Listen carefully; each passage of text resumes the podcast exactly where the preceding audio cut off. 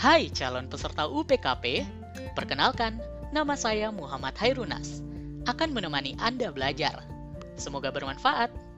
Yuk, kita mulai. Sekarang, kita masuk ke materi wawasan kebangsaan sebagai kekuatan bangsa. Negara Indonesia yang diproklamasikan pada tanggal 17 Agustus 1945 adalah negara kesatuan yang berbentuk republik. Para pejuang serta pendiri bangsa Indonesia yang telah melahirkan dan membentuk negara Indonesia dengan pemikiran yang arif dan bijaksana dengan pandangan yang jauh ke depan telah meletakkan dasar yang kuat dan teguh di atas nama negara Indonesia yang dapat tumbuh dan berkembang dalam hidup bermasyarakat, berbangsa, dan bernegara. Salah satu prinsip dasar yang diletakkan adalah prinsip negara kesatuan yang menjunjung tinggi persatuan dan kesatuan bangsa.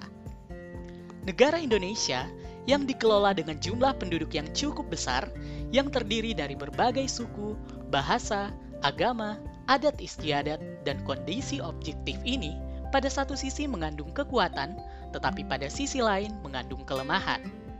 Ia mengandung kekuatan bila perbedaan dari keanekaragaman dapat hidup bersama dalam satu kesatuan yang harmonis.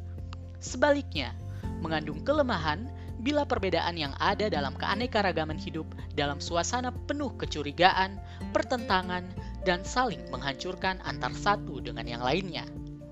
Sistem kenegaraan dan sistem pemerintahan yang ingin dikembangkan adalah sistem pemerintahan yang bersifat demokratis dan desentralistis dalam negara kesatuan yang utuh dan menyeluruh yang menghendaki adanya pemerintahan pusat yang kuat dan berwibawa untuk menjamin terpeliharanya stabilitas nasional dan kesatuan bangsa.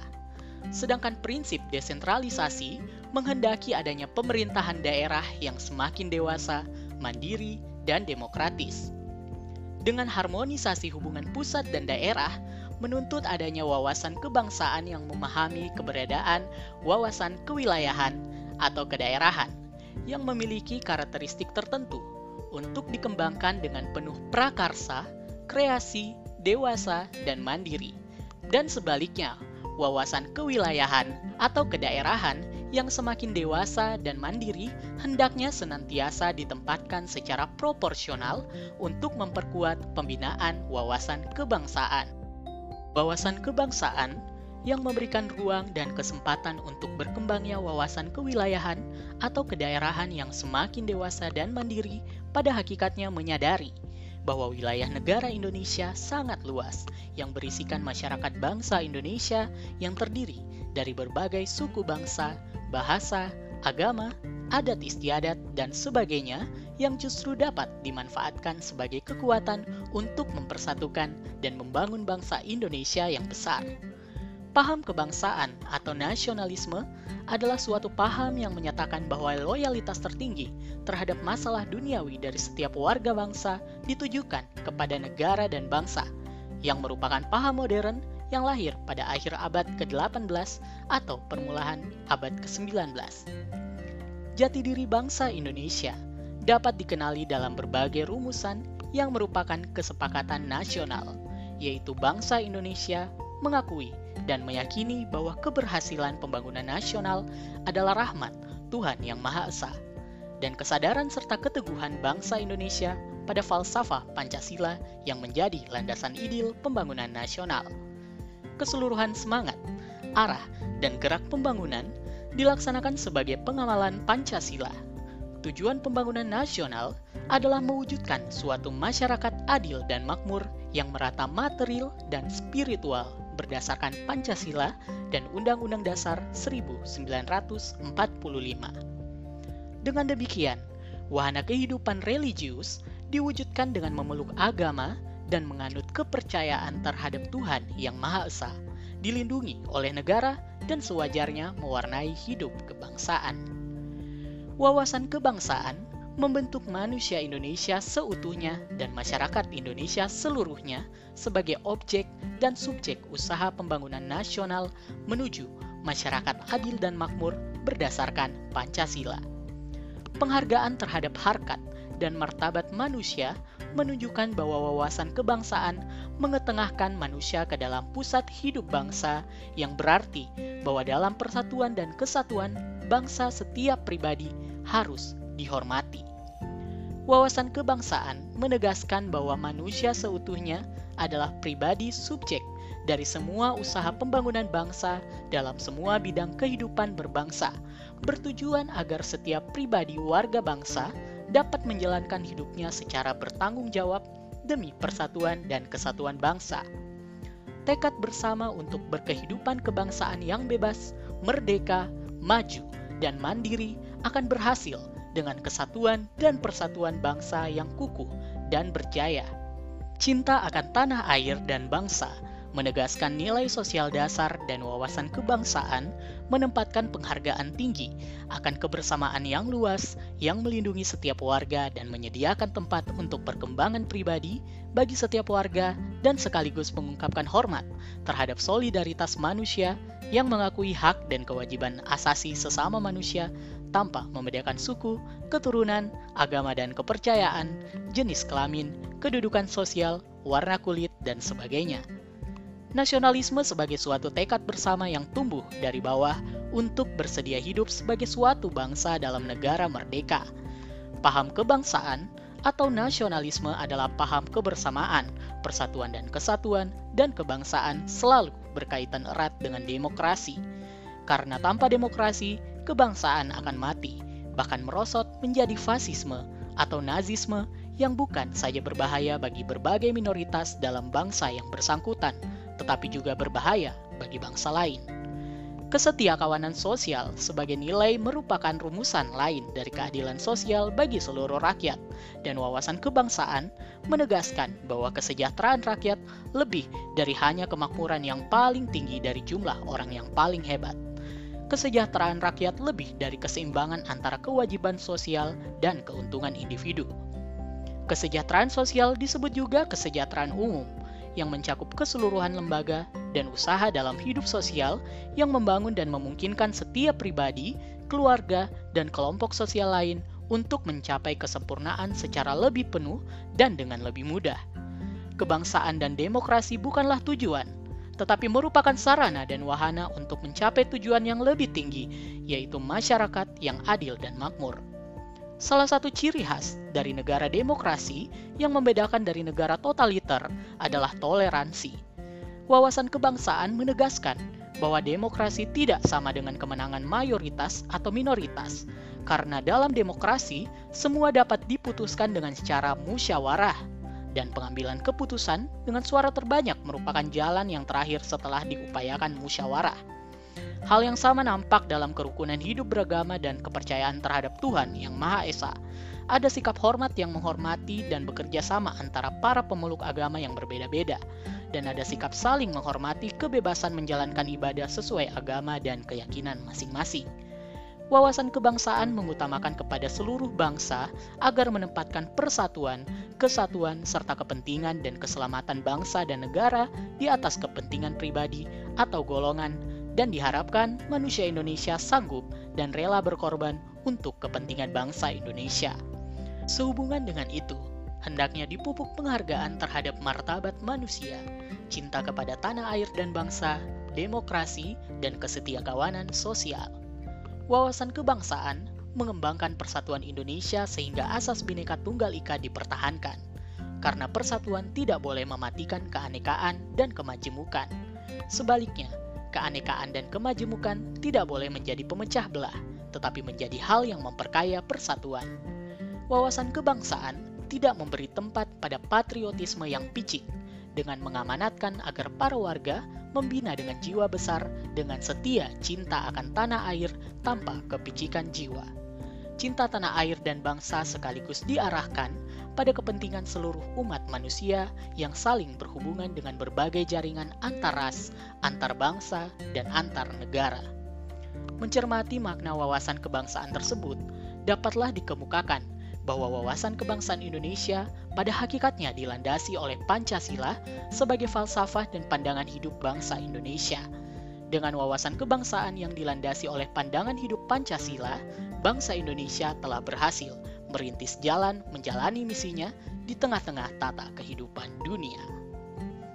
Selanjutnya, materi fungsi ASN sebagai perekat dan pemersatu bangsa. Dalam Undang-Undang Nomor 5 Tahun 2014, Pasal 66 Ayat 1, 2, terkait sumpah dan janji ketika diangkat menjadi ASN. Dinyatakan ASN akan senantiasa setia dan taat sepenuhnya kepada Pancasila, Undang-Undang Dasar 1945, negara, dan pemerintah. ASN juga menjunjung tinggi martabat ASN serta senantiasa mengutamakan kepentingan negara daripada kepentingan diri sendiri, seseorang, dan golongan. Dengan sumpah tersebut, seseorang ASN sudah terikat oleh sumpah dan janjinya untuk loyal, setia, dan taat kepada pilar dasar negara Indonesia, yaitu Pancasila dan Undang-Undang Dasar 1945, serta kepada pemerintahan yang sah. Seorang ASN tidak boleh memiliki pemikiran, pandangan, dan melakukan tindakan yang bertentangan dengan Pancasila dan Undang-Undang Dasar 1945. Bagi seorang ASN, Pancasila, Undang-Undang Dasar 1945, dan NKRI adalah sesuatu yang final dan harga mati. Dia siap mengorbankan jiwa dan raganya untuk mempertahankan keutuhan negara Indonesia. Dalam rangka menjalankan fungsi ketiga, berkat dan pemersatu bangsa, setiap ASN perlu memiliki kompetensi sosial kultural sebagaimana amanah peraturan pemerintah nomor 11 tahun 2017 tentang manajemen ASN. Kompetensi sosial kultural menurut peraturan Menteri Pendayagunaan Aparatur Negara Reformasi dan Birokrasi Permenpan RB nomor 38 tahun 2017 adalah pengetahuan, keterampilan, dan sikap atau perilaku yang dapat diamati, diukur, dan dikembangkan terkait dengan pengalaman berinteraksi dengan masyarakat majemuk dalam hal agama, suku dan budaya, perilaku, wawasan kebangsaan, etika, nilai-nilai, moral, emosi, dan prinsip yang harus dipenuhi oleh setiap pemegang jabatan untuk memperoleh hasil kerja sesuai dengan peran, fungsi, dan jabatan. Sebagai perpanjangan tangan pemerintah, ada beberapa peran ASN dalam menciptakan kondisi damai. Seperti posisi ASN sebagai aparatur negara, dia harus bersikap netral dan adil. ASN dalam melaksanakan tugasnya tidak boleh berlaku diskriminatif dan harus objektif, jujur, transparan. Kondisi damai, sikap netral, dan adil ASN dalam politik lima tahunan, yaitu pemilu dan pilkada. ASN juga harus mengayomi kepentingan kelompok-kelompok minoritas dengan tidak membuat kebijakan, peraturan yang mendiskriminasi keberadaan kelompok tersebut. Dan ASN menjadi figur atau tokoh dan teladan di lingkungan masyarakatnya. Sejalan dengan peraturan Menteri Pendayagunaan Aparatur Negara Reformasi dan Birokrasi Permenpan RB nomor 38 tahun 2017 Kementerian Keuangan juga menetapkan Keputusan Menteri Keuangan Nomor 954 garis miring KMK.01 garis miring 2019 tentang kompetensi sosio-kultural di lingkungan Kementerian Keuangan. Adapun dalam kamus kompetensi sosio-kultural tersebut, perekat dan pemersatu bangsa didefinisikan sebagai kemampuan dalam mempromosikan sikap toleransi, keterbukaan, peka terhadap perbedaan individu ataupun kelompok masyarakat mampu menjadi perpanjangan tangan pemerintah dalam mempersatukan masyarakat dan membangun hubungan sosial psikologis dengan masyarakat di tengah kemajemukan Indonesia, sehingga menciptakan kelekatan yang kuat antara ASN dan para pemangku kepentingan, serta di antara pemangku kepentingan itu sendiri, menjaga, mengembangkan, dan mewujudkan rasa persatuan dan kesatuan dalam kehidupan berbangsa dan bernegara. Tidak dapat dipungkiri bahwa dalam menjalankan tugas sebagai ASN, kita dihadapi dengan berbagai perbedaan, meliputi perbedaan pandangan politik, agama atau kepercayaan, suku, gender, latar belakang, dan sosial ekonomi. Kompetensi sosial kultural menjadi penting di tengah kondisi dan tantangan dalam keberagaman masyarakat Indonesia dengan berbagai perbedaan di atas. ASN khususnya pegawai Kementerian Keuangan dituntut untuk dapat melayani masyarakat tanpa diskriminasi. Oleh karena itu, ASN Kementerian Keuangan harus memiliki kompetensi sosial kultural yang sesuai dengan standar kompetisi jabatannya, sehingga diharapkan mempunyai kemampuan untuk menjaga, mengembangkan, dan mewujudkan rasa persatuan dan kesatuan dalam kehidupan bermasyarakat, berbangsa, dan bernegara.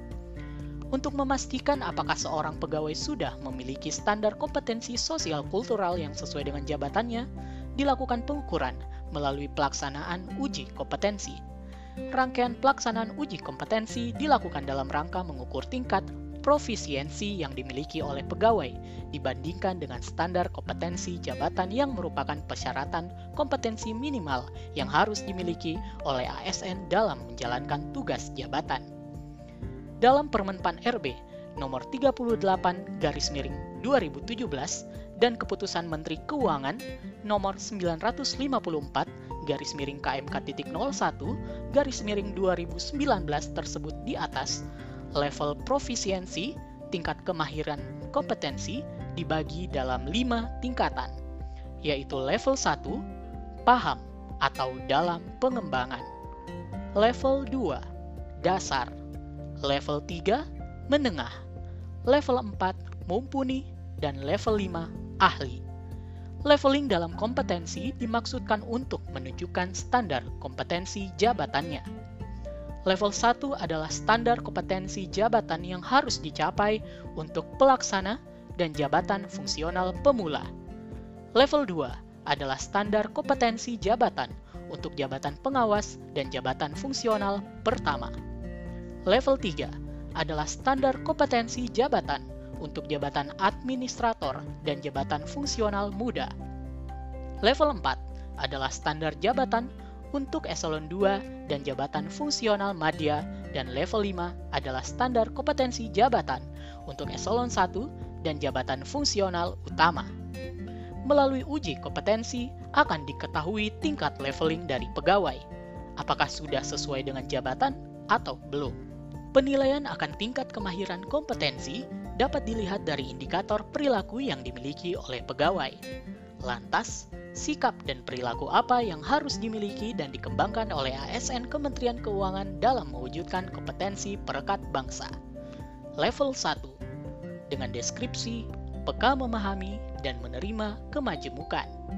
Indikator perilaku 1. Mampu memahami, menerima, peka terhadap perbedaan individu ataupun kelompok masyarakat. 2. Terbuka, ingin belajar tentang perbedaan atau kemajemukan masyarakat.